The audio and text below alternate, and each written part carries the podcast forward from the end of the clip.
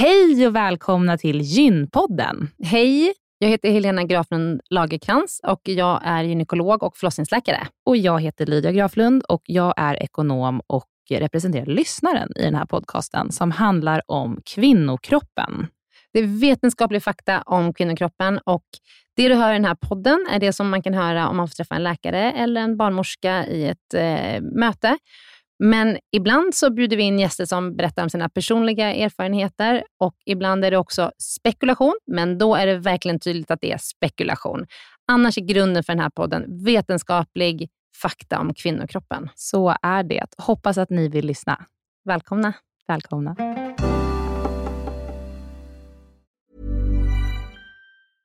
Cool fact a crocodile can't stick out its tongue. Also, you can get health insurance for a month or just under a year in some states. United Healthcare short term insurance plans, underwritten by Golden Rule Insurance Company, offer flexible, budget friendly coverage for you. Learn more at uh1.com.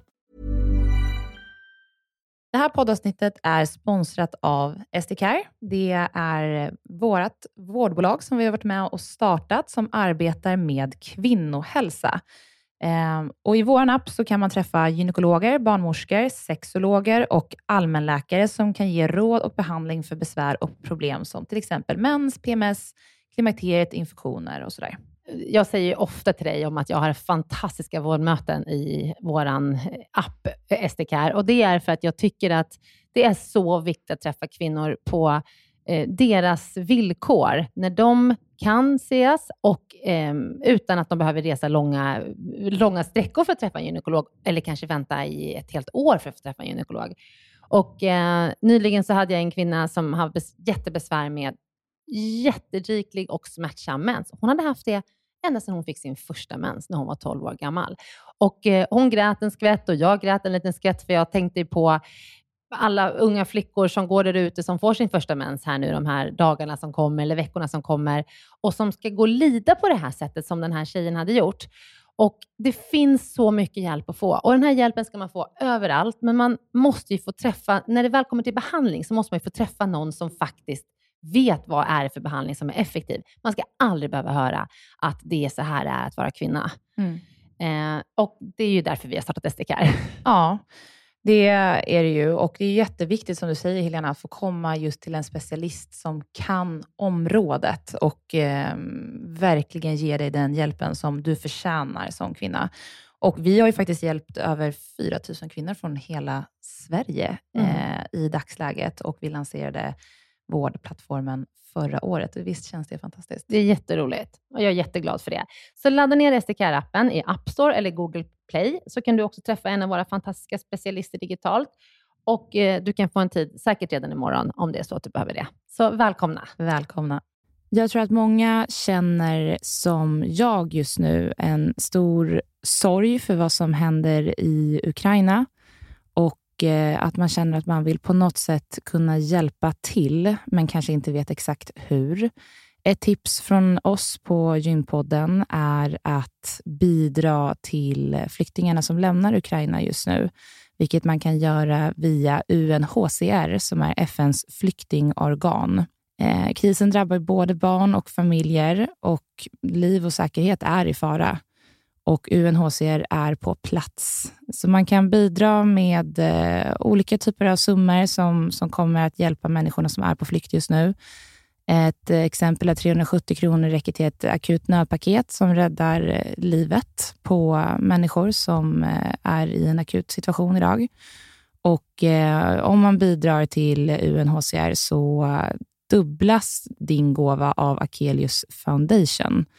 Så gå in på unhcr.se och bidra helt enkelt. Tack! Du lyssnar på en podd från Perfect Day. Hej och välkomna till Gympodden. Välkomna. Tack. Mia Fernando, så otroligt kul att du är här idag. Woo! Det här är faktiskt tredje gången gilt. Vi, har Ja. ju, blev, vi blev tvungna att ställa in två gånger med dig i höstas, för att först tror jag att För jag var sjuk, var och sjuk. sen Ja. var du sjuk, tror jag. Ja, eller hur det nu var. Två gånger blev det i alla fall inställt på grund av sjukdom. Jag såg lite anklagad ut där. Ja, men jag tror Jag kanske tror inte att det var var jag, var Helena. jag båda gångerna? Ja, det var det. Usch, jag var sjuk hela hösten. Du har varit så sjuk. Ja, Men var- nu är det nya tider. Mm. Mm. Nu är det nya tider. Och Mm. Mia, eh, jag ska ge dig en eh, korrekt eh, introduktion nu. Håll i er. Mia är fysioterapeut som är vidareutbildad och sedan 2018 godkänd specialist-fysioterapeut inom förlossningsvård, gynekologi och urologi. Alltså det är en sån fantastisk grej. Mm. Eh, för att in, när man jobbar inom kvinnohälsa, som jag gör och som du också gör, Och jag nu. och lite också nu, Ursäkta. men så är det så här att är det någonting som saknas så är det eh, specialistkompetenta fysioterapeuter. Mm. Så Hur många ni- finns det? Ja, men det är det här som jag, nej, för att jag är noga Mm. med att säga att jag är specialist. För det Mm. finns ju en del som har gått en så här, kort kurs och då kan jobba lite grann. Liksom. Mm. Och så att det, jag vet inte. Jag tror att jag var specialist nummer 20 Mm. kanske. Mm. Alltså, alltså, Genom tiderna? Jag tror det. Ja. Eller currently living? nej, nej, nej. Jag tror att det var genom tiderna. Det- För jag tror att en del av dem som... Det kanske var tio yrkesverksamma, Ja. för tio hade hunnit gå i pension. Eller så, Mm. så, Jag har gått ur tiden. Men visst är det en treårig vidareutbildning? mm, Mm. precis. Så det är, en- det är en gedigen... ja, men det är en treårig grundutbildning och sen magisterutbildning och sen tre år. Mm. Liksom. Mm. Mm. Ja, fantastiskt. Och var jobbar du nu? Just nu, eh, i några månader till, så jobbar jag på Arena Motion och Rehab i Sickla. Och sen Mm. kommer jag dyka upp i Farsta efter sommaren. Mm. Så Stockholm. Farsta är efter sommaren i Stockholm, så ni får ut och leta ni som söker en fysioterapeut inom detta. Mia Fernando. Mia Fernando. Ja. De hittar mig, Ja. brukar de göra. Ja, Ja. men det som, det som du också är jättekänd eh, är ju som eh, bloggare och Instagramkontot Baking Babies. Du har ju jättemånga tusentals följare. Hur kom du på att du skulle starta det? Men Baking Babies är, alltså från början så var det en så här gravidblogg för de närmast sörjande. höll jag på att säga. Mm. Alltså det, vi startade den på så här skoj. Jag var gravid, min man bakade jättemycket och det här var 2012. Liksom. Mm. Och då var det så här, ja men det var mamma och några kompisar som läste. Och sen så fick jag en grad 4-bristning när jag födde vårt första barn. Eh, och då bestämde jag mig för att säga, jag kommer skriva om det här. Jag skäms inte och Nej. det här är min historia och jag får äga den. Och då skrev jag först bara väldigt personligt om det och då började det rassla till med läsare. Mm. Och sen efter ett tag så kände jag så här, okej, jag är fysioterapeut, jag borde ha massor med svar på frågor som berör det här området. Mm. Och jag har inte det, så nu är det dags för mig att se till att ha de här svaren. Mm. Och Eh, då du vidareutbildade dig? Ja, så att jag, jag började liksom jobba men, liksom heltid med, med kvinnohälsa när jag kom tillbaka efter föräldraledigheten. egentligen. Mm. Men en grad 4-bristning, för de som inte vet, vad jag tänkte är det? precis Mm. säga det. Kan vi Ja, kan men- du berätta? En hela vägen Mm. sprickning. Alltså jag Ah. fick en bristning som gick raka vägen från liksom slidan ända in i ändtarmslemhinnan. Ja, Mm. Hur vanligt är det att man får en grad 3 eller grad 4-bristning om man buntar ihop de två? Ja, grad 3 och 4, då, då skiljer det sig lite mellan regionerna. Och om man är intresserad av hur det ser ut i just den regionen som man själv ska föda i eller har fött i, så kan man titta på graviditetsregistret, alltså deras årsrapport. Mm.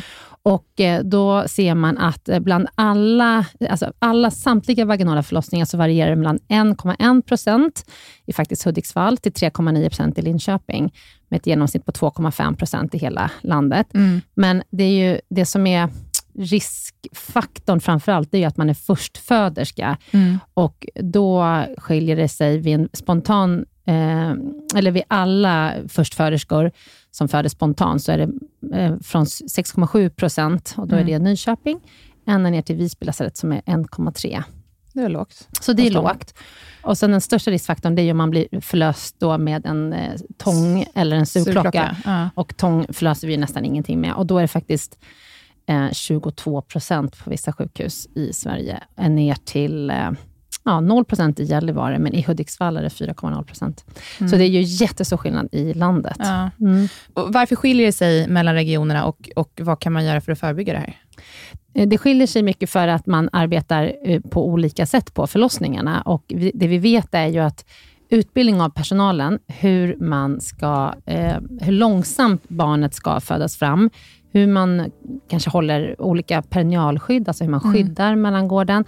Och, ehm, ja, det är saker som påverkar risken att spricka, men också Det ska gå långsamt. det ska gå jättelångsamt. Men så har man också sett att om man är två barnmorskor som är med vid framfödandet på förstföderska så minskar det också risken att man ska spricka. Så det, det är mycket utbildning i hur barn ska få komma Ja. ut.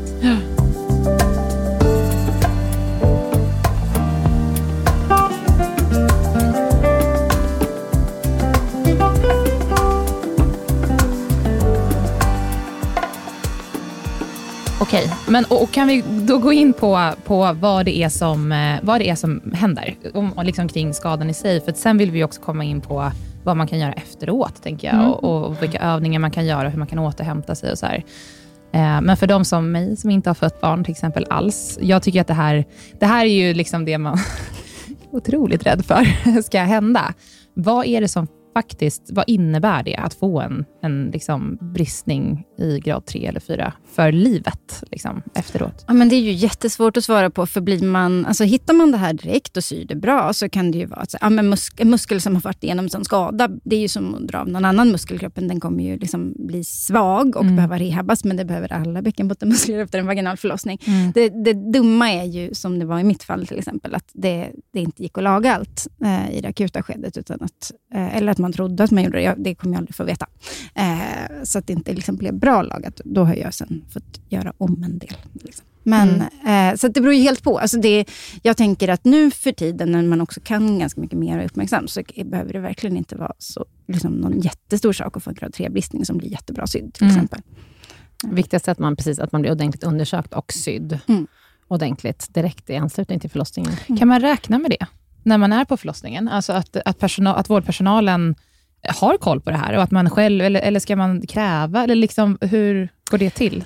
Jag har ju bara jobbat på en förlossning, Ja. ska jag säga, och det är på Danderyd. Vi pratar ju och jobbar och utbildar jättemycket inom detta. Man får liksom gå på eh, utbildningar internt och externt och lära sig hur man undersöker och hur Mm. man syr. Men jag kan inte säga hur det ser ut i hela landet Nej. faktiskt. Alltså jag tror att det har hänt jättemycket också. När jag fick min bristning så, eh, så tror jag inte alls att de hade de kunskaper som Nej. finns idag. Eh, sen i min liksom, kliniska vardag när jag träffar patienter, det är ju super, super många som kommer med liksom, det som jag sen kommer skick- skicka remiss vidare, det man misstänker att det är en defektläkt eller missad bristning. De finns forts liksom, fortfarande, men eh, om jag jämför nu jämfört med när jag började inom den här nischen, då kom de flesta och hade liksom, missade eller defektlagda skador från var liksom 11 eller 7 år gamla. Och nu är det Ja. oftare att det ändå liksom upptäcks inom det första året. Ja. Alltså det, jag tycker att det... Det eh, pratas mycket mer om det också bara de senaste åren. Hur märker Mm. man, om någon lyssnar på det här och funderar på så här, "Ah, jag kanske har problem med det här. Ehm, vad är det man märker? Vad är det, hur påverkar det vardagen och livet? Ja, men alltså, det svåra är ju när man är nyförlöst, för då kommer alla muskler... Alltså jag brukar säga till mina patienter att när man har gått igenom en vaginal förlossning, så är liksom bäckenbottenmusklerna typ en konsistens. De är liksom inte välfungerande Nej. muskler direkt efter. Så att liksom man behöver sitta ner i båten ganska länge innan man utvärderar något. Eh, men bäckenbotten har ju eh, kontinensfunktionerna, alltså hålla kiss, hålla bajs, eh, men också kunna släppa ut både kiss och bajs. Eh, kunna ha sex, kunna släppa in föremål, men också kunna få orgasmer och sen lyftande och bärande. Alltså den hela, liksom, att hålla upp bukinnehållet. Mm. Eh, så när jag frågar patienter så är det ju liksom, men allt som har med kiss, bajs, sex och liksom fysisk aktivitet. Och så letar man efter funktionsnedsättningar vad gäller Mm. det. Liksom. Mm. Jag tänker att vi ska jobba oss igenom från graviditeten till när man är nyförlöst, Mm. till eh, lite liten tid längre efter förlossningen. Och så får du ta oss igenom det. Mm. Mm. Men hur rekommenderar du, eller hur, hur ser rekommendationerna ut kring träning under graviditet? Eh, den första och mest grundläggande liksom, rekommendationen är att man ska vara fysiskt aktiv. Eh, och WHOs fysisk aktivitetsrekommendationer eh, rekommendationer för liksom alla människor är ju 150-300 minuter i veckan. För gravida har man varit ändå liksom lite snällare och sagt att ungefär 150 minuter i veckan.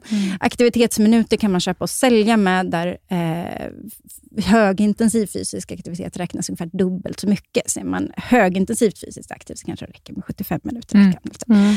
Eh, så det är ju liksom den grundläggande vad gäller konditionsträning, eller pulshöjande aktivitet. Och Sen är man rekommenderad styrketräning två till tre gånger i veckan. Och sen bäckenbottenträning också för gravida, Mm. eh, som är liksom det generella. Mm.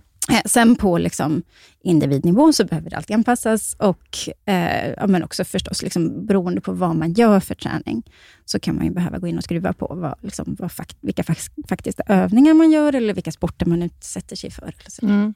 Men eh, är det bra om vi går in på liksom lite specifika aktiviteter? Typ mm. eh, jogga, lyfta tungt på gymmet eller liksom, finns, ska man anpassa sin träning? Rida. Rida. Mm. Ja, alltså rida tycker jag är svårt, för det är ju, det är ju liksom, det är alltid den, där har man en risk för yttre våld, mm. eller liksom att man ramlar mm. eller mm. att man trillar av. Mm. Eh, så där måste man utgå från vad är liksom situationen och vad är det för häst man pratar om och vilka miljöer och sådär. Eh, där det är såklart, du ska inte trilla av en häst, men att rida i sig är i teorin inte dåligt alls. Liksom. Förutom om man har ont i bäckenet och så vidare. Ja.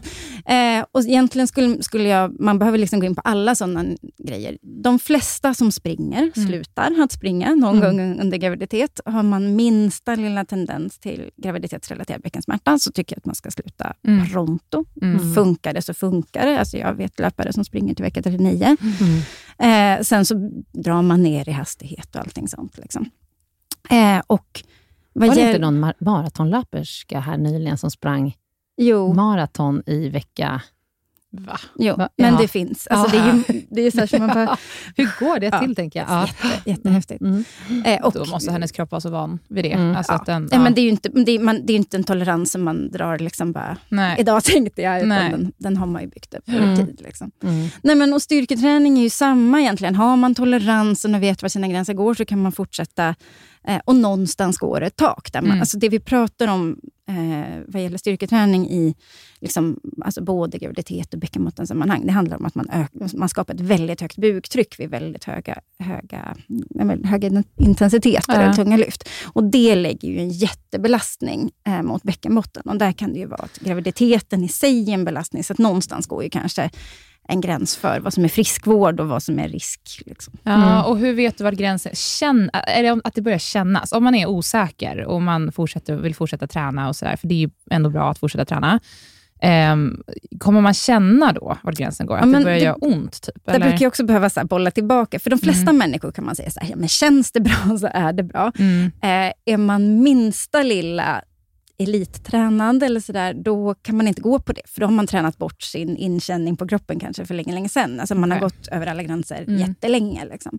Eh, så där behöver man sätta tydligare gränser, ofta tycker jag. Men eh, för en vanlig person som är såhär, nej men nu kanske jag fick lite ont här, eller det kanske kändes lite, eller jag kanske läckte lite. Alltså, mm. då, när man har en förmåga att lyssna in kroppen och kanske tolka sånt som lite varningssignaler, då, då kan man ofta gå på, så här, känns det bra? Så här. Mm. Men finns det några risker långsiktigt med att träna till exempel väldigt tunga lyft under eh, graviditeten? Jag tänker på att man lägger på den här tyngden på bäckenbotten. Alltså, några sådana studier har mm. man ju inte gjort. Eh, vi det som, som vi vet angående tunga lyft, det var ju att tunga lyft stod med som, liksom, inte under graviditet, men den generella tunga lyft, stod med som riskfaktor för framfall mm. jättelänge. Men det mm. gör inte det längre. Nej. Det är tunga lyft i arbetet, men inte tunga lyft som träning. Det verkar vara en skillnad där. Mm. Och då har, det är ju dos och återhämtningsrelaterat. Okay. Kommer vi komma in på de olika eh, problemen man kan få? Till exempel framfall har jag ju ingen aning om vad det är. Jag har ju hört det många gånger, men eh, vad det faktiskt fysiologiskt innebär vet jag inte. Mm, men jag tänker att vi ska komma på det. Ja. Mm, ja. Eh, bäckensmärta under graviditet, det som också kallas bäckenuppluckring ibland och symfysiolys. Brukar du använda något annat ord? Nej, jag säger Nej. bäckensmärta för mm. att fånga in alla leder. För mm. symfysiolys är ju bara symfys annars. Mm. mm. Det som är liksom fram, fram till på Precis. bäckenet. Men eh, det är ju en jättevanlig åkomma. Väldigt, väldigt många kvinnor får ju problem med det under graviditeten. Finns det någonting som man faktiskt vet? Eh... Vad är det man känner då? Man ger ont i ryggslutet eller? Men, man har ju tre leder i bäckenet. En på var sida i liksom, ja, ryggslutet kan man säga och en mm. mitt i liksom, blygdbenet.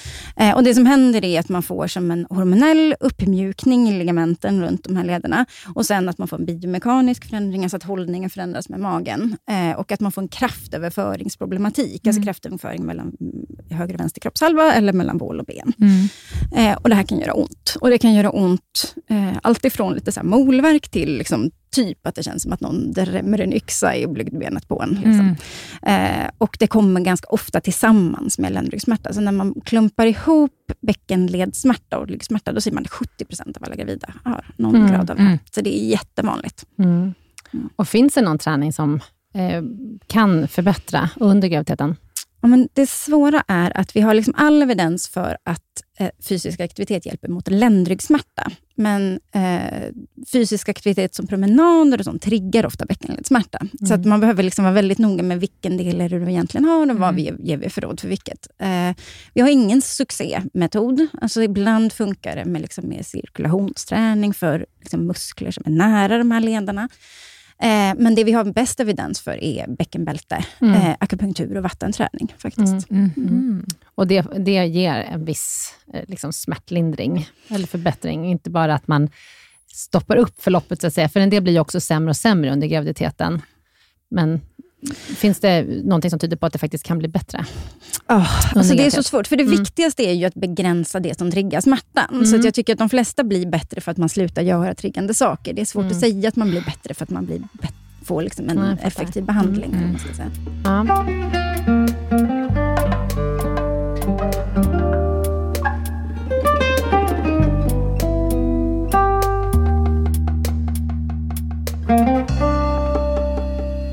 Okej, men Mia, vad eh, har vi mer att prata om under graviditeten? Träning, smärta, förebyggande, knipövningar under graviditet. Ska mm. man ägna sig åt det? Alltså jag är allergisk mot att slänga mig med knipträningsråd till eh, allmänhet. Liksom. Mm. Eh, det tycker jag är som att säga till alla att alla ska knäträna eller att ge någon ett knäträningsprogram utan att undersökt knät. Alltså mm. jag, jag, vill ha undersökt en bäckenbotten innan jag ger bäckenbottens träningsråd. Mm.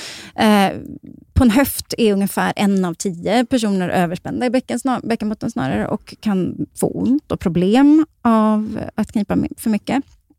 Eh, så att don efter person, skulle jag säga. Mm. Men eh, det vi vet om bäckenbottenträning är att om man tränar under graviditet, man kniper och man också tränar på att slappna av, eh, så, eh, så kanske man kan öka liksom kroppsmedvetenheten om spänningen i bäckenbotten och det mm. kanske kan optimera eh, för förlossning. Mm. Och vi vet att man kanske liksom med, med en ökad genomblödning i musklerna kan få lite lättare återhämtning. Mm. Eh, men det finns ingenting i knipträning under graviditet som kan minska risken för bristningar till exempel. Finns det mm. någonting man kan göra innan för att minska risken för bristningar? Det finns ju några studier om eh, perinealmassage, alltså att man liksom mm, mer töjer. Och där, alltså stretch funkar inte som vi tror att stretch funkar. Alltså sådär, utan det, där tror jag också att det är en kroppsmedvetenhetsgrej. Liksom, mm. Att ja. man lär sig jobba med kroppen, med avslappning och med eh, ja, men insikt i att det är väldigt töjbara liksom, mm. vävnader och sånt. Mm. Ja, men ska vi komma fram då, gå lite framåt här då, till att man har fött sin bebis eh, och Eh, hur, vad ska man tänka på när man sätter igång efter en förlossning? Jag tänker vi kan börja med kanske vaginal förlossning. Mm. Hur, hur kommer man igång efter att man har fött barn? Ja, men Eh, som jag brukar säga, alltså mm. bäckenbotten är som en gelé. Alltså, såhär, mm. Det är verkligen inte välfungerande liksom, kontraktila muskler direkt efteråt.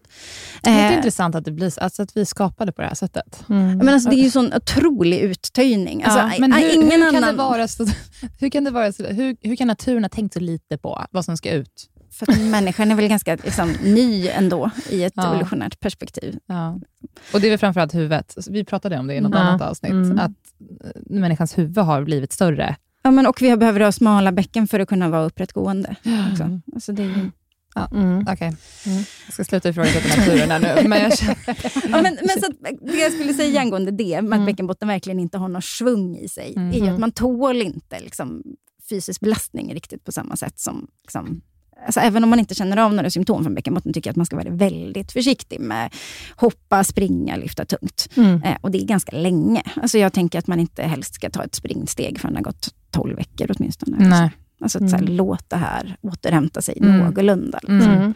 Eh, och är, känner man ingenting, då får man hålla i sig med liksom, vett och vilja. Eh, mm. det är lättare nästan om man har lite symptom, för då vet man att kroppen bromsar. Mm. Handfast råd där tycker jag. 12 veckor utan att börja löpa. Det är mm. jätte... Alltså, det, man vill ha lite sådana tips ändå. Så här. Någonting att hålla sig till.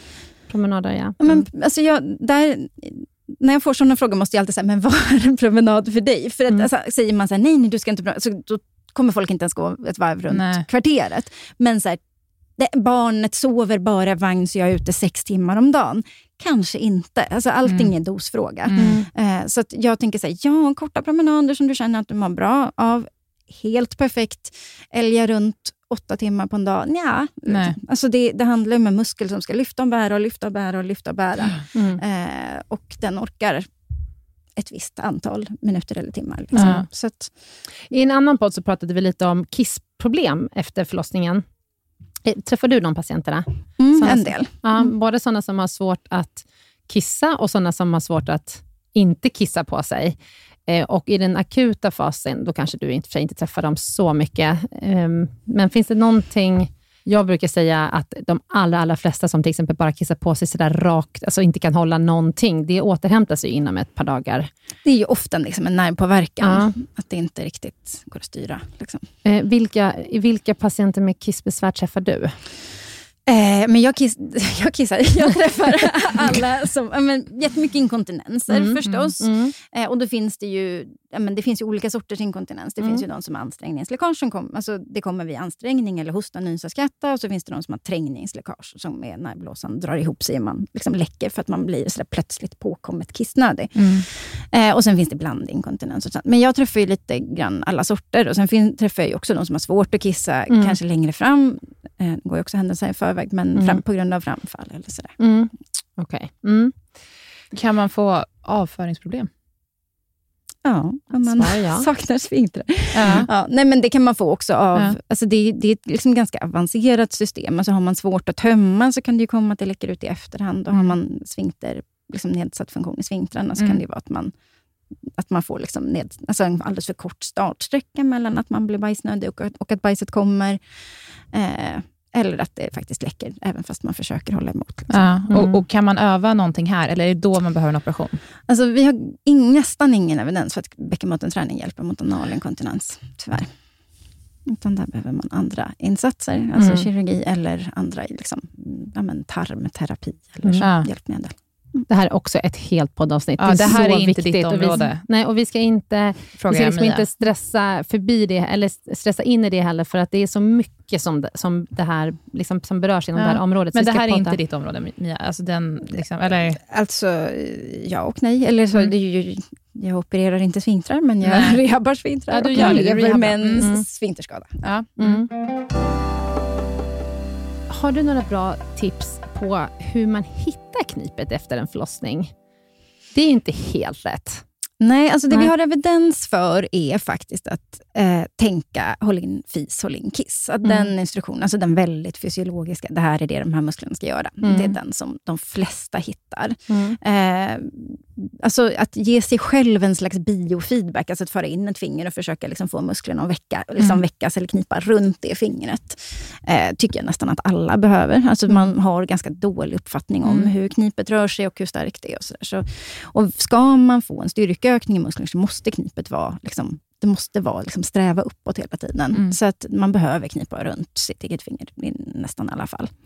Eh, men sen ibland, jag leker runt jättemycket med instruktioner till patienter. Så att jag Mm. har ett finger inne eh, och liksom funkar det inte, håll in kiss, håll in fis eller sådär, Mm. så brukar jag göra alla sorters konstiga liknelser Mm. av att smuggla diamanter genom tullen eller Mm. suga upp ett spagettistrå eller, Mm. eller sådär. Det, det är liksom, ibland är det som att vissa personer bara, aha, nu fattade jag. Och så Mm. är det en jätteobskyr Vad känslan Men är, liksom. sitter du och kniper nu? Ja. Ja, jag också. Det går inte att låta bli. Diamant sa du? Ja, genom Det fattar jag tullen. för sig inte. Det fattar jag inte. Så här, försöker. Jag kan bara knipa på ett sätt. Okej, den gick inte sådär. Spagettin då? Nej, nej, spagetti fattar jag inte Nej, heller. eller, men man kan också tänka så här, som ett tyg som så här, man drar ihop. Jag brukar visa Ja. med typ en sjal. Så här, att, Men jag har liksom svårt att knipa under en lång tid. Alltså jag kan knipa till, men sen... Du kanske behöver jobba med ditt Kanske uthållighetsknip. Ja. Ja. Man brukar börja med 30 sekunder och då behöver man kanske också ha fingret in och bara en, två, tre. Och, så här. och sen känna att man inte dalar. Har man inga problem så ska man heller inte göra det till ett problem. Nej, då får man surfa på att kroppen Mm. funkar. Okej, okej. Så att, Mm. don't overdo it. Men jag sitter och kniper just nu. Ja, jag också. Ehm, rektusdiastas, Mm. Vad är det? vad är det för något? Det är ju, alltså man har ju, eh, magen har en, en eh, mittlinje eh, som är en senstruktur och på vardera sida, alltså man har ju höger och vänster arm och så har man höger och vänster magmuskler. Liksom. Man är separerad alltid. Eh, den, den linjen är 1,8 millimeter i snitt hos en oförlöst person. Ja, så att, alltså, Du får in ett finger mellan. Liksom. Nu sitter vi här och känner på magar. när, man, när man spänner ihop musklerna så tajtas den till. Ja. Men sen under graviditeten så är kroppen så himla finurlig att den har den, den ytan som en extra växel för Som tillväxt. separeras. Så då separeras den Mm. och breddökas. Mm. Det är Eh, då man får en liten linje eh, på magen. Ja, men det är en hudgrej sen. Att Ah, man blir okej. liksom, utan det här är liksom invärtes. Musklerna innanför. Ja, jag liksom. förstår. Ja. Jag tänkte om det Eh, hade något med det att göra. Men nej. Nej. Alltså, det är ju säkert att det ena triggar det andra på Ja. något sätt skulle jag gissa. Men eh, det, är liksom, Det är olika organ. Eller? Ja. det blir, i regel blir det en 8 cm stor liksom, breddning. Eh, Ja, det runt ekvator, eller liksom vid Runt naveln. ekvator. I, navel, i höjd med naveln Ja, så är det 8 strax ovanför centimeter. naveln. Mm. Eh, och sen så är den, brukar den vara lite avsmalnande uppåt och neråt. Mm. Eh, och efter graviditeter så brukar, alltså det är genetik som avgör hur det här slurpas ihop. Hur har det slurpats ihop på dig Helena nu? Det är genetiskt. Sämre och sämre efter varje graviditet kan jag Ja. säga. Är det så? Nej, nej men alltså... Hur Ja. ser det ut här nu då? Ja, men nu har jag precis ätit. Nu, får du, nu hittar du inte min navel.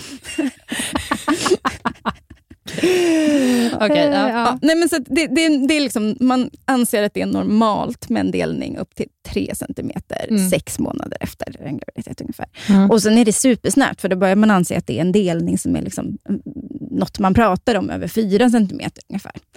Eh, så det är liksom, ja, det, det, måtten skulle jag säga att jag nästan aldrig går på, för man vet aldrig vad folk har för funktion. eller så där, Utan man behöver gå på upplevd känsla, och eh, upplevd funktion och träningsbarhet. Liksom. Men om man har en stor rektusdiastas, vad kan det ge för symptom och besvär? Ja, men det, här skulle jag säga att vi har ett problem med att forskningen inte riktigt har fångat patienternas upplevda besvär. Det vi Mm. vet från forskning det är att vi egentligen inte ser några tydliga samband mellan diastaser och ländryggsmärta och inte något samband mellan diastaser och bäckenbottenbesvär. Och så tycker jag det liksom stämmer överens med bilden som jag har kliniskt också. Det patienterna beskriver, och det har fångats vid någon svensk studie, men det är att det är liksom, man, man pratar om bukvägsproblem. Alltså Mm. man pratar om en bukvägsstabilitet, om tarmrörelser, om estetik. Eh, men det, det tydligaste det var en av mina patienter som hade en stor delning. Eh, vi hade rehabat länge, men det, var liksom, det gav inte full effekt. Och Så opererades hon och så frågade jag efteråt, så här, vad, vad, gav, liksom, vad har vad operationen inneburit nu? Och då hon sa, ja, nu behöver jag inte parera viljemässigt liksom, i buken varje gång jag ska kliva över en trottoarkant. Alltså du är tvungen att hålla emot. Ja, men hon blev liksom verkligen tvungen att liksom, så här, aktivt... Alltså Ja, det som, För som vi, annars... Ja, men annars blev hon så wobblig och hade Aha. ingen stabilitet. Liksom, vi som inte har det så, vi, har, Mm. liksom, vi, kan, vi kan ändå surfa på ja, men bindvävshållfasthet Ja. och liksom, Mm. att det finns en så här En stabilitet. bålstabilitet. Ja, Mm. och så har man inte riktigt det. För det är ju, alltså alla muskler hämtar ju kraft från eh, liksom skelett i ena änden och skelett i andra änden. Mm. Och Sen kommer liksom muskeln och den drar, liksom, Mm. ska alstra kraft från de här båda fasta punkterna. Magmusklerna har liksom, ja, men, skelett i ena änden och skelett i andra änden, men har liksom hela sin, eh, också hämtar kraft från mittlinjen. Mm. Om den bara ger vika när muskeln försöker spänna sig, då blir det liksom ingen kraftalstring Mm. riktigt. Mm. Mm. Eh, Så man kan verkligen ha nedsatt förmåga och då ser vi det i det vi kallar flexion, alltså framåtböjning och rotation framförallt. Men om man har en rektusdiastas, eh, som jättemånga har ju, Mm. eh, och sen går det sex månader och så har man fortfarande ganska mycket, då mer än tre centimeter som anses vara normalt. Kan, hur mycket kan man rehabba eh, bort det, så att säga? Förbättra? Alltså, vi har ganska dålig forskningsgrund för... för det, alltså, det finns, på marknaden finns det så här, tada, det här Ja, konceptet eller det här konceptet. Och- liksom, ja, mm. Massa sånt. Och det finns ingen evidens för så här, den här träningsmetoden eller här. Mm. Förr fanns det också jättemycket så här, det här får man absolut inte göra. Det här, det här vill rip open. Alltså så här, Mm. jättemycket Åh, några sådana skrämsel. myter. Ja, men att, till exempel att plankor och sit-ups skulle vara jättefarligt. Eller att, Det kan man göra. Ja, alltså man behöver ju snarare belasta sina muskler. Sen ska Ja. man göra det med vett och sans och Ja. dosering. Och, Får man göra raka sit-ups nu? ja. Det fick man inte när jag fick mitt första barn. Nej.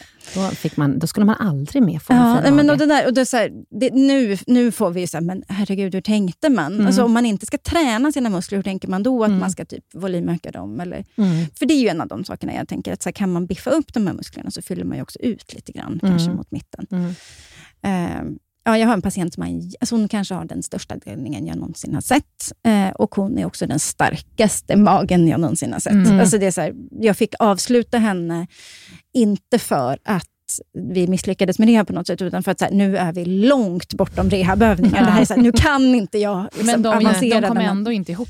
De kom ändå inte ihop, men Nej. hon var nöjd för att hon har all den stabiliteten hon behöver. Men släppnar hon av i magen så ser Ja. den fortfarande ut som att hon är gravid. Alltså där, Mm. Ja, den åker ut då. Liksom. Alltså Ja. den, Mm. den blir avslappnad Mm. såklart. Ja. Mm. Ja.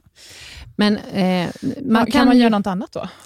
Kirurgi. Nu Ja. kan man ju operera. Och det är inte, för inte så länge sedan så ingick inte det här i liksom landstingsoperationerna, men nu gör det det. Men jag är inte säker på att det gör det i alla regioner. Nej, inte alla regioner. Och det är, jag har också hört någon ganska nyligen i Stockholm som fick höra att ja, vi kanske kan stänga diastasen, men vi kommer låta huden utanpå vara, vara orörd. Och då, då blir det också konstigt att man bara får som en stor hudpåse utanpå, men stänger Mm. diastasen. Mm. Även det, då uppnår man funktionen, men personen kanske fortfarande kommer känna sig väldigt... Mm. Men man får ett Mm. väldigt eh, annorlunda utseende, skulle jag Mm. säga. Eh, och Det här gör man ju inte om det är en man som har gått, gått, varit väldigt överviktig och gått ner i vikt till exempel. Då Tar man bort det då? Ja, eh, så då kan jag bli så... Mm. Är det sant? Mm. En, en fråga. Eh, när man har fött barn, eh, har man rätt till rehabövningar då? För att återställa kroppen? Alltså rätt... Ja, eh, alltså för, från regionen. Liksom. Alltså, alltså- har vi det program? Så här, jag, bakgrunden är att jag pratade med en tjej som bor i Schweiz. Och eh, Hon sa att eh, där, där ingår det, liksom, när man föder barn i kvinnovården i det landet, så får du gå 12 gånger till en fysioterapeut efter att du har fått barn. Mm. För, alltså, oavsett om du har fått problem eller inte. Mm, jag tror att Frankrike, Schweiz. Belgien har, och något ytterligare land. Ja. Så. Alltså, rätt till kan jag inte säga att man har, för att vi finns inte. Alltså, som sagt, vi är ju... Men, säg, på vår kompetenskarta, där man kan hitta liksom, fysioterapeuter, både specialister och sådana som jobbar inom nischen, vi, kan, vi är ju kanske 120 då i hela Sverige, om man verkligen liksom inkluderar generöst.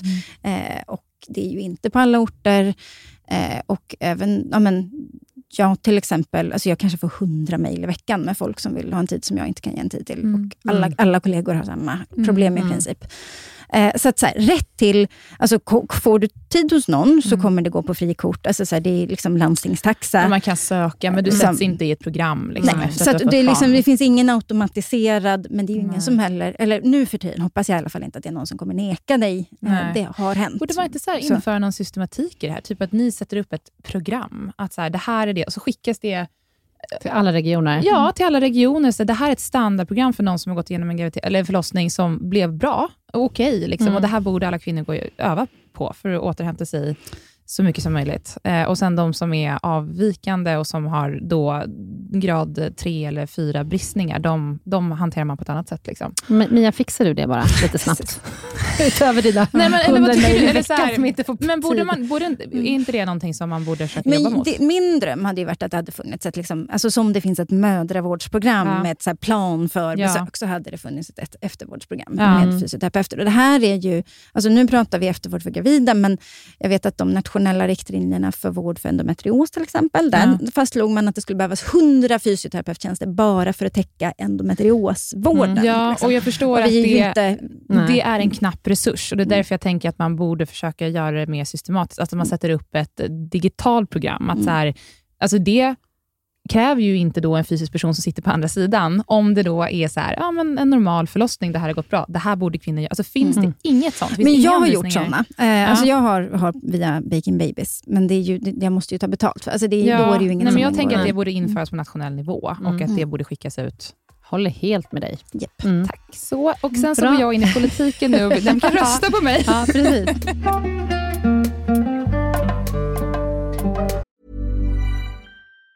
Say hello to a new era of mental health care. Cerebral is here to help you achieve your mental wellness goals with professional therapy and medication management support. 100% online. You'll experience the all new Cerebral Way, an innovative approach to mental wellness designed around you. You'll get a personalized treatment plan from a therapist, prescriber, or both in a safe and judgment free space. Your Cerebral therapist or prescriber will outline a customized plan with clear milestones along the way so you can get to feeling your best. With Cerebral, you're not alone in your mental health journey. We're here to empower you to live a fulfilling life.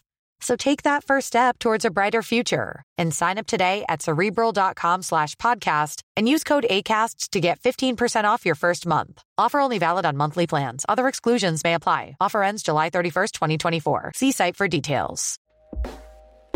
Hey everyone, I've been on the go recently Phoenix, Kansas City, Chicago.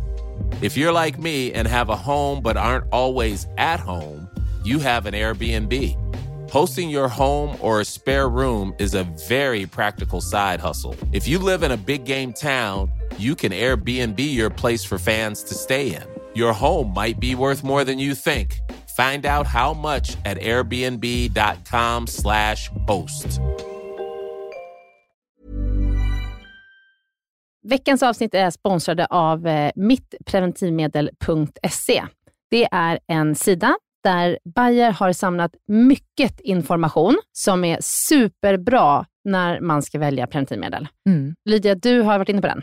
Jag har varit inne på den och eh, det finns ett jättebra test Mm. som man kan ta för att eh, alla preventivmedel passar inte alla personer. Det är ju Nej. ganska komplext och det är ganska mycket faktorer som spelar in när man ska välja preventivmedel. Det, det kan vara liksom att man har hört från en kompis eller en influencer att ett visst preventivmedel har funkat jättebra för henne, men det kanske inte passar just din kropp. Eller så eh, har man olika typer av eh, drag, personlighetsdrag. Man är välorganiserad, då passar det kanske att ta p-piller. Eller så är du inte särskilt välorganiserad, du kan ta ett piller varje dag. Då passar det kanske att ta hormonspiral eller eh, någonting annat som inte kräver att du, du behöver ta ett piller varje dag, för att då kanske du glömmer det till exempel. Precis. Och eh, när man kommer till en barnmorska eller en gynekolog för att få en strukturerad preventivmedelsrådgivning, då är det superbra att vara lite förberedd, så att man kan ha gjort det här testet inför det. För det är ju det som man ska liksom ta i beaktande när man ska välja sin preventivmedelsmetod, det är ju hur är min mens? Har jag mycket mensvärk? Vad händer om jag blir gravid? Liksom, är det sådär att du känner att ah, det finns ingen bra timing. Blir det barn så blir det barn. Mm. Då behöver man inte ha någonting som är lika säkert Mm. som om det var sådär att skulle jag bli gravid nu, då, då skulle jag välja att göra en abort, vilket är liksom någonting som ändå är ganska tidskrävande och Ja. besvärligt och jobbigt för många. Eller att det är farligt för en att bli gravid. Ja, och farligt att bli gravid. Då Ja. måste man ha ett jättesäkert skydd. Så det är jättemycket saker som eh, man kan fundera på och då kan man gå in och göra det här testet. Så gå in på mitt preventivmedel och söker fram till testet, gör testet och Mm. sen så gör ni det och där får ni svara på massa frågor som eh, liksom är inriktade på just dig. Ja, Och- och, då rankar den Mm. en massa olika typer av preventivmedelsmetoder Mm. eh, utifrån hur du har svarat. Och Sen så kan du gå in och läsa lite mer om dem, Mm. eller så kan du välja ut några stycken av dem och så kan du jämföra dem sinsemellan, så att du verkligen kan sålla ner vad som borde passa dig Ja. bäst. Du Lydia, jag gjorde det här testet. Gissa vad jag fick? Eh, du har fått alla dina barn som du vill ha. Mm. Eh, jag tror att du fick hormonspiral. Ja, korrekt. Ja. Gissa vad jag fick då? Eh, hormonspiral. Nej, Va? för att jag kommer ju vilja barn inom fem år. Ah, Det fick Korrekt. jag inte. nej. Mm. Okej, så du fick p-piller kanske? Ja, Mm. jag fick faktiskt Ja. p-piller. Och eh, är strukturerad och Ja. kan ta ett piller varje dag. Ja, det är inga problem för eh, dig. Nej, Nej. precis. Ja, men superbra. Gör testet och eh, ja, ha med i det, den informationen när ni går och gör er preventivmedelsrådgivning rådgivning hos barnmorska eller gynekolog. Ja, Ja. tack Bayer. Tack Bayer!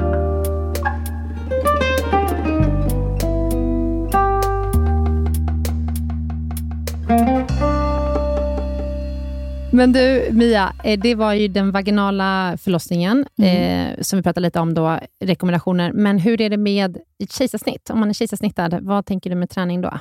Och aktivitet? Ja, men egentligen ganska lika. Så om vi utgår från att liksom, de flesta får något slags stygn i underlivet liksom, och man får en stygn i magen, så tänker Mm. man att ja, men hållfasthet, liksom, den fysiologiska läkningen är ganska lika. Man, Mm. säga, man ska vara ungefär lika försiktig. Mm. Eh, det, där tycker jag att det blir en övervikt på så här, försiktighetsråden till kejsarsnittade, där jag tänker att man borde ge ungefär samma försiktighetsråd till vaginalförlösta vad Mm. gäller fysisk belastning. Mm. faktiskt. Ehm, men Eh, alltså man i bäckenbotten eller efter en vaginal förlossning behöver gan- ganska mycket ta hänsyn till liksom, tryckökning mot bäckenbotten så vill man i kejsarsnittssammanhang vara försiktig med tryckökning mot kejsarsnittssåret eller ärret. Mm. Eh, och det är ju egentligen samma sak. För ökar jag trycket i buken eh, så kommer det liksom, det kommer ju hamna, så trycket far ju åt alla Trycker håll. både neråt och utåt så att säga. Ja, Mm. Så att det, liksom, det hamnar på ganska samma saker. Det vi vet om kejsarsnittade magar är eh, att det verkar ganska... Liksom, det finns forskning som både eh, säger ja och nej vad gäller ökad risk för diastas. Så där tror vi att det är ingen direkt ökning. Eh, och vi vet att kejsarsnittade magmuskler har liksom nedsatt funktion sex månader. Eh, alltså sex månader efter så, så ser man att det är en nedsatt funktion jämfört med vaginalförlösta. 12 månader efter så är det ingen skillnad. Däremot är alla som har varit gravida svagare i magen än vad de jämfört med icke förlöst kontrollgrupp. Mm. Just det. Mm. Okej, okay, mm. så inte, skiljer sig inte så jättemycket i hur man får träna? Nej, jag Utan tänker försiktig mm, med alla mammor. Ja. Mm. Om man då har haft en grad 3 eller 4 bristning, alltså där, som involverar eh, analsvinkten eller till och med ner till analslemhinnan, vad, vad ger du för träningsråd där? Eh, men ytterligare kanske lite försiktighet, eh, men eh, också andra, alltså här, verkligen prata försiktig tarmtömning. Eh, mm. och de Hur får gör man försiktig tarmtömning? Ja, men inte bajsa, alltså inte krysta för gubbe fosterland, okay. utan bajsa mjukt. Mm. Liksom. Mm, okay. Gärna vara mm. lite mjuk i magen, ja. brukar vi ge dem som råd. Mm. hur ska man vara mjuk i magen då? Eh, man Via kan kost. äta. Precis. Jo, men precis. Något särskilt? Eh, ja, alltså dels är det mycket fibrer och vatten och eh, linfrön och sådana saker som vi vet, är, mm. ja, som vi vet är mjukgörande. Men om inte det hjälper så får man lägga till någonting från apoteket. Typ. Um, Inolaxol. Inolaxol mm. eller laktulos. Eller, laktulos är i och för sig ganska många som blir lite mm. gasiga i magen av. Men Inolaxol är bra. Mm. Mm. Det känns som att äta grus bara, men det, mm. Linfrön då? Ja, linfrön är bra. Okej, men då kommer vi nu till det här med bäckenbottenskador. De som har besvär, inte i den liksom första kanske då tre, sex månaderna efter förlossningen, utan den har gått lite längre tid. Är framfall med här? Eh, ja, framfall är med, mm. eh, men jag tänker mer sådana som har också mycket smärta i mm. underlivet, eller som känner sig väldigt, eller som läcker gas eller avföring, som vi pratade om lite tidigare. Ehm, eller som bara känner att det är svårt att ha samlag. Eller så. Vad, vad är det, vilka patienter träffar du mest? Liksom, vad har de för besvär som kommer till dig?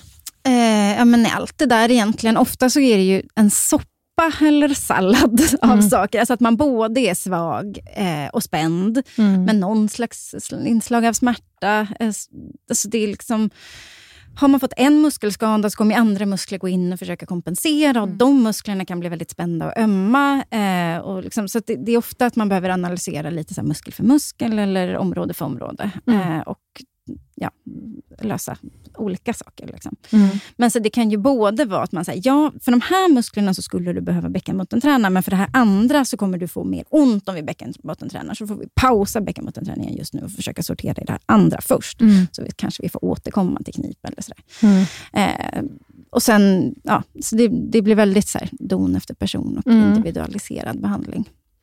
Eh, blir du, är det, mm, jag tänker så här, om man kniper och tränar och rehabiliterar och inte blir bra, då ska man ju absolut söka en gynekolog och en bäckenbottenspecialist hos gynekologerna, så att man kan få hjälp med ställningstagande till att man ska opereras och hur. Vilka tycker du ändå blir förbättrade av rehab? Men det är ju jag har ett supernära liksom, kirurgsamarbete med, med remisser fram och tillbaka. Så jag mm. tänker att man aldrig ska göra det ena utan det andra mm. heller. Eh, alltså en, en, operation kräver ju också lång, ganska lång rehabperiod efteråt också.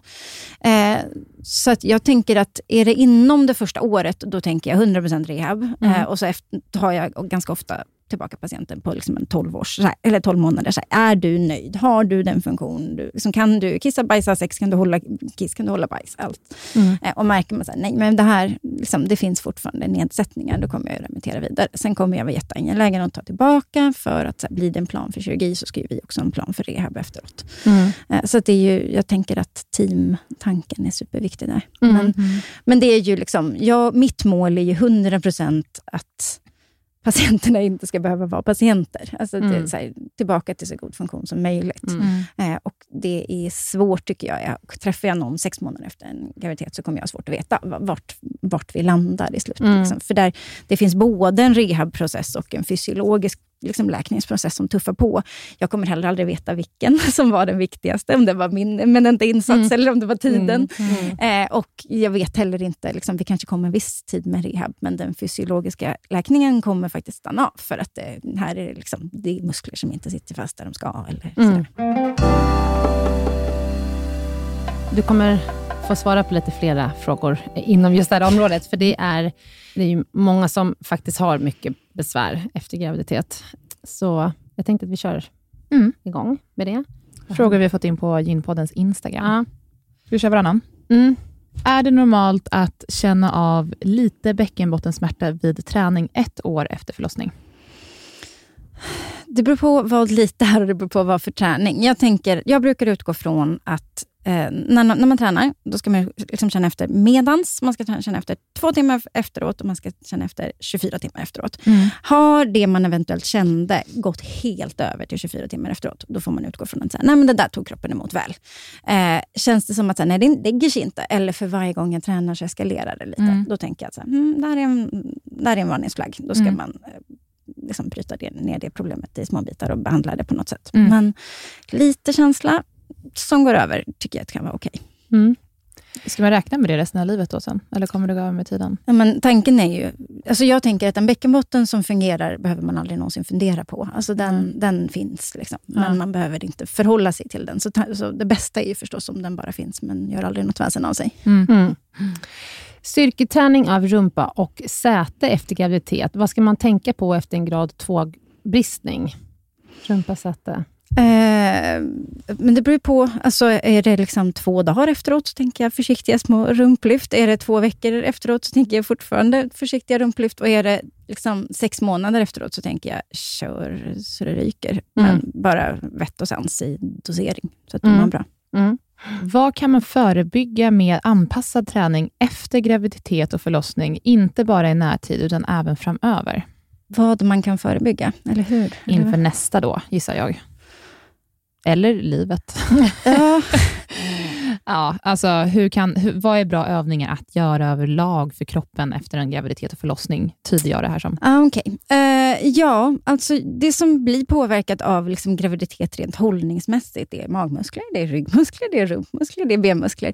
Alltså, så när jag tänker ett så här postpartum träningsprogram, då är det liksom hela kroppen, alla Ja. muskler. Ja. Får jag välja ett fokusområde så kommer jag välja rumpa, eh, mage också, men jag tycker magen fokuserar många andra på. Och när vi snackar rumpa, menar du då liksom att man gör squats? Typ? Eller vad är det för rumpövningar vi pratar om? Ja, men både, både de som är liksom, ja, men de stora, eh, Ja. lite yvigare, men, men knäböj, utfall, Ja. liksom, marklyft, sånt. Men också stabiliteten, alltså Ja, enbensövningar. Eh, Ja, okej. Mm. alltså, Mm. så, mer, mer balansaktigt också, för att få med liksom, höftens stabilisatorer och sånt. Ja, sånt här känns ju i och för sig som att det är bra att alltid göra. Ja, men det, det, jag tänker att så här, Men, det, ja. är, det handlar om sunt förnuft, fysioterapi och sunt Ja. förnuft, träning. Det är liksom inte så avancerat.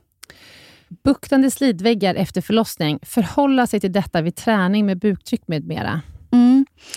Eh, vet jag om att jag har en patient som har någon slags sänkning av slidväggar eller så, så brukar jag eh, hålla ganska mycket koll på hur de ser ut i ansiktet när de tränar. Eh, jag vill inte att man låser buktrycket helt eller liksom, uh, inne i nästan kryst, liksom gör nästan som en valsalva. Eh, så att jag kollar att folk är mjuka i käkarna, att de kan andas och gärna prata. Eh, jättesvårt med munskydd. Det har varit ett pandemiproblem, Mm. men då får folk prata kontinuerligt. Okej, vad är framfall och hur behandlar man det? Alltså framfall kan ju vara olika sorters saker, men det är ju när någonting faller från sin liksom, ursprungsposition neråt. Det kan vara slidans bakvägg, slidans framvägg, livmodern och lite annat. Men det är de vanligaste. Och Jag tror att det är ungefär 70 procent som har någon grad av sänkning av slidväggarna efter en vaginal förlossning. Eh, som inte liksom är framfall, men att det ändå sänks lite. Och när räknas det som framfall? Är det när man ser den? Eller ser man någonting i, slidan då? Alltså, Alltså man det går ju att eller? gradera. Det här Ja. är din, alltså det går Ja. att gradera på olika sätt. Eh, precis. Det är ju ganska ofta som man undersöker patienter som har lite buktande fram, framvägg, till exempel, Mm. alltså vaginala framväggen. Eh, det kan man ju säga är som ett litet framfall, men patienten har inget besvär av Nej. det. Så att det är ju absolut en gradering. Och eh, Har man besvär av framfall, som oftast kan vara då tyngdkänsla, svårighet att tömma blåsan eller att bajsa och eh, skav kan det ju vara, också om hela livmodern liksom buktar ner, eller att en Mm. stor, stor framfall av vaginalväggen, eller bakväggen som liksom buktar utanför slidmynningen, då får man ju skav. Så. Då ska man ju alltid söka läkare. Och behandling på det? Eh, oftast operation. Hur ska man börja träna efter kejsarsnitt och dessutom med en levatorskada? Då får vi nästan börja med att svara på vad är en levatorskada? Mm. Alltså bäckenbotten har ju de ytliga musklerna, det är de som kan eh, oftast går sönder vid en grad 2 eller 3 eller 4 bristning, som är ganska långt ner. Och Sen har vi lavatorn som är den stora muskelmassan i bäckenbotten, som är den lyftande och bärande funktionen. Och Man kan få en skada på ena eller andra sidan, där den lossar från eh, liksom bäckenet. Eh, och Då får man en kronisk funktionsnedsättning av bäckenbottenfunktionen. Och vad är det för funktionsnedsättning? Ja, men det, det, har att göra med lyftande och bärande. Alltså den, den lyftande och bärande funktionen. Ofta så tycker jag att mina patienter med elevatorskador uttrycker sig som att det känns som att hål rätt igenom, eller när jag mm. hostar eller nyser så svajar det väldigt, eller att man har svårt att liksom lyfta och bära barn eller sådär. Mm. Eh, ökar risken för framfall mm. kraftigt. Mm. Och är det någonting särskilt man ska tänka på när man ska sätta igång och träna, om man vet att man vet oftast inte att man har en levatorskada direkt efter förlossningen, för det är ju ingenting som vi är sådär jätteduktiga på att upptäcka precis i samband med förlossningen, utan det är ju oftast någonting som man upptäcker senare. Ja, mm. precis. När man söker för något annat oftast. Mm. Eh, Vad ska man tänka på när man tränar då? Men där tror ju jag att man har ett tak vad gäller fysisk begränsning som, mm. eh, som andra inte har. kanske. Alltså det, det, finns en gräns vad gäller lyfta, bära, springa, hoppa eller liksom intensiv fysisk aktivitet, där man mm. behöver förhålla sig till det. Eh, mm. För annars ökar man risken för annan ohälsa. Mm. Eh, men den är individuell. Alltså jag har patienter med levatorskador som springer och liksom som gör annat. Så man behöver mm. verkligen eh, gå på individ, mm. individens funktion. Men efter ett kejsarsnitt så tänker jag att, alltså om man går till frågan, mm. liksom successivt ökad rehab där man absolut inte ska vara, tänka att man ska vara på pregravid träningsnivå förrän det har gått ett år eh, efter. Mm. Men det tycker jag med alla.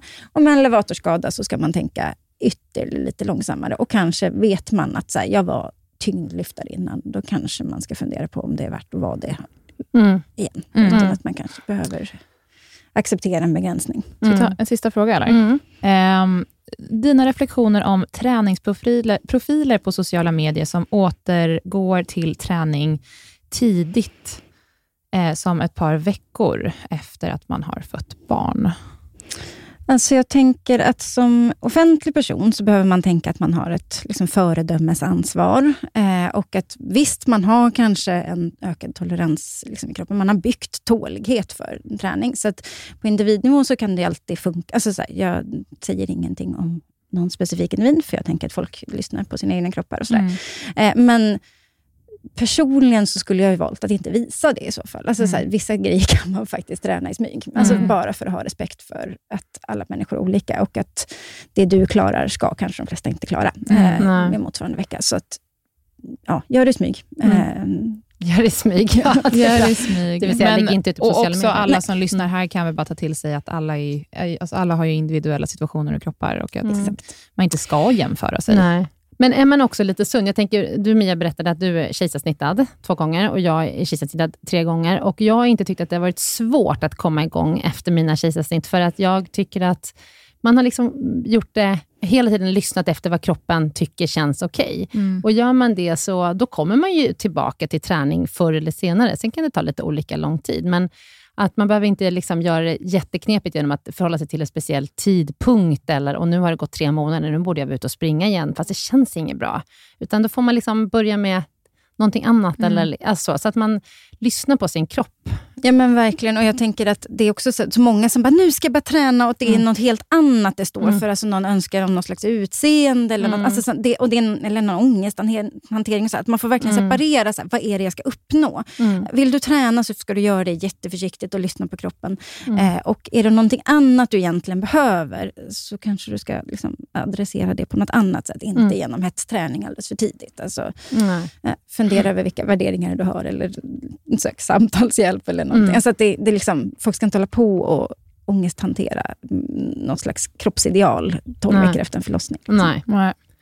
Med de orden, ja. ja. det var jättemånga fler frågor vi har fått, men mycket har vi faktiskt eh, bakat in här under avsnittets gång, så mm. att, eh, vi hoppas att alla ni som tillbaka. har ställt frågor är, blir nöjda med svaren. Men tusen tack tusen att du har tagit dig tid att podda med oss. Det här är så viktigt mm. och du är så duktig. Mm. Tack så hemskt mycket och tack för tack allt för jobb du gör för alla kvinnor i Sverige som läser din blogg och ditt Instagram. Mm. Jag har lärt mig jättemycket av att läsa din, dina inlägg. Ja, tack. tack Mia. Ja, tack. Hej då. Hej då.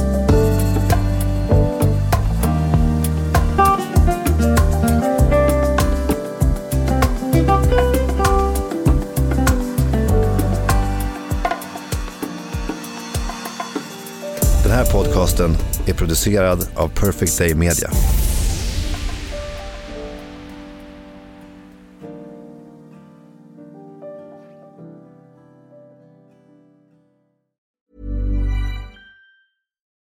Botox Cosmetic, out of botulinum toxin A, FDA approved for over 20 years. So, talk to your specialist to see if Botox Cosmetic is right for you. For full prescribing information, including boxed warning, visit BotoxCosmetic.com or call 877-351-0300. Remember to ask for Botox Cosmetic by name. To see for yourself and learn more, visit BotoxCosmetic.com. That's BotoxCosmetic.com.